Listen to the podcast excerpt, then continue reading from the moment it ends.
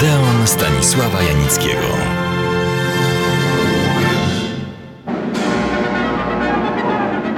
W pewnej książce, której mi oczywiście reklamować nie wolno, poświęconej mojemu ulubionemu, rzecz jasna od czasu do czasu tylko, tematowi, skandalom złotej ery Hollywood, znalazłem coś, co rozszerza krąg owych skandali.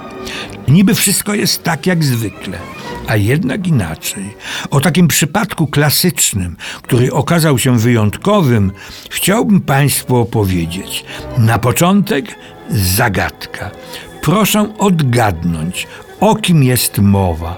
To fragment owej wspomnianej na wstępie książki. Cytuję. Obie zostały wychowane przez matki, które były arystokratkami estradowymi.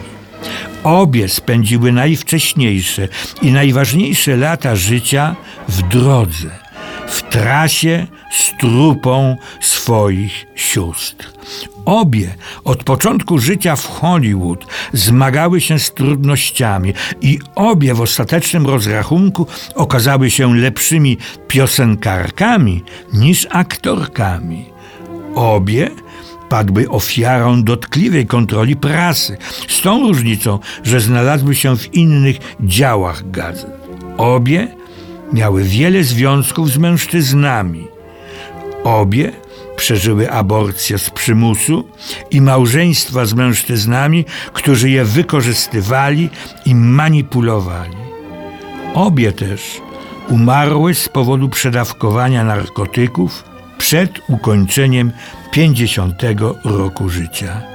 Ale jedna z tych gwiazd stała się ikoną, występując w dziesiątkach filmów, podczas gdy druga pojawia się zaledwie w przypisach do historii kina. Jedyny powód, ta druga była czarnoskóra. Rozszyfrowując zagadką, pierwsza to Judy Garland, druga to Dorothy Dandridge. I o tej drugiej chciałbym teraz opowiedzieć. Uzupełnię tylko. Prasa zgadzała się co do tego, że była piękna, powabna i niewymownie seksowna ale w latach pięćdziesiątych Afroamerykanki mogły otrzymać w Hollywood jedynie podrzędne role.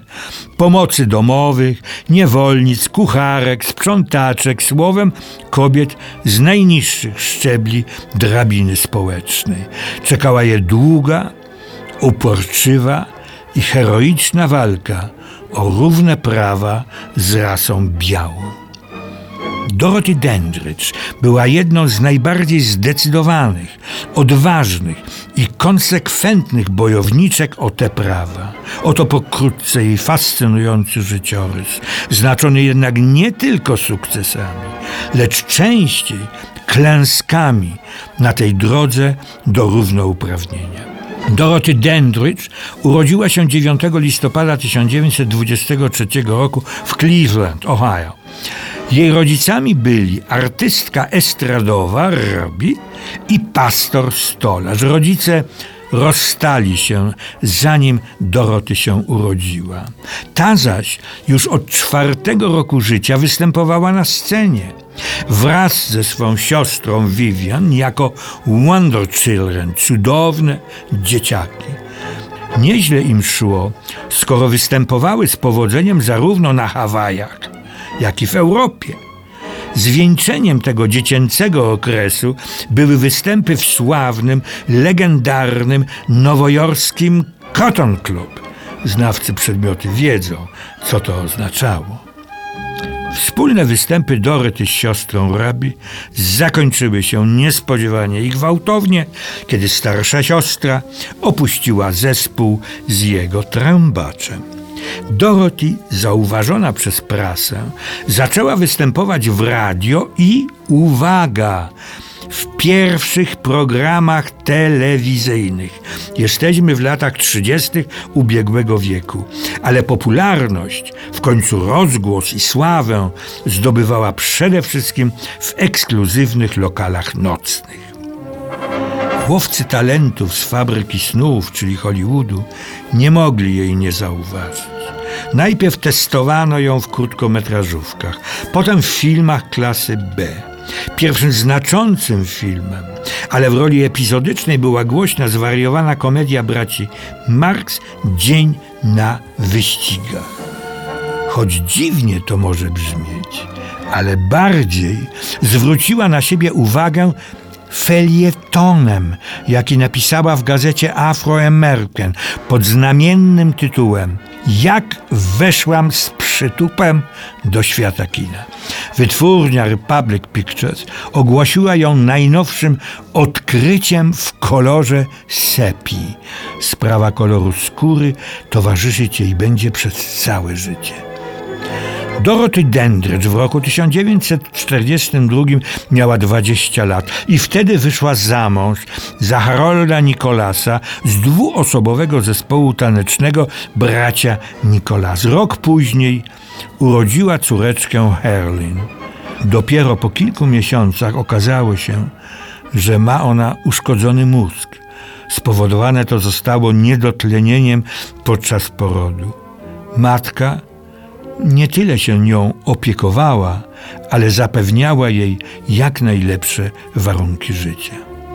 Kariera Doroty Denver rozwijała się. Przede wszystkim jednak na estradzie, w ekskluzywnych klubach nocnych. Film na razie odsunięty został na plan dalszy. Wydarzeniem była opinia prestiżowego Los Angeles Times, który opisał ją jako figlarną i cudownie wystrojoną. Ale prawdziwym przełomem w jej karierze były jej zdjęcia, które ukazały się w magazynie Life. Tańcząca Dorothy w pięknej, obcisłej sukni bez ramionczek pod nagłówkiem Koniec ze wstydem. Life ogłosił ją najpiękniejszą murzyńską piosenkarką, która zyskała sławę. Pozbyła się ona swoich zahamowań i wrodzonej nieśmiałości. Wyśpiewała sobie sławę w nocnych lokalach, kusząc przy tym swoim urokiem. Jak napisano, cytuję jej wypowiedź, nie wiem, jak to się dzieje, ale ludzie po prostu lubią mnie oglądać. Co więcej, Dorothy Dandridge stawała się autentyczną gwiazdą. Trafnie i pięknie napisano. Dandridge była zjawiskowa. Stanowiła afroamerykański ideał piękności.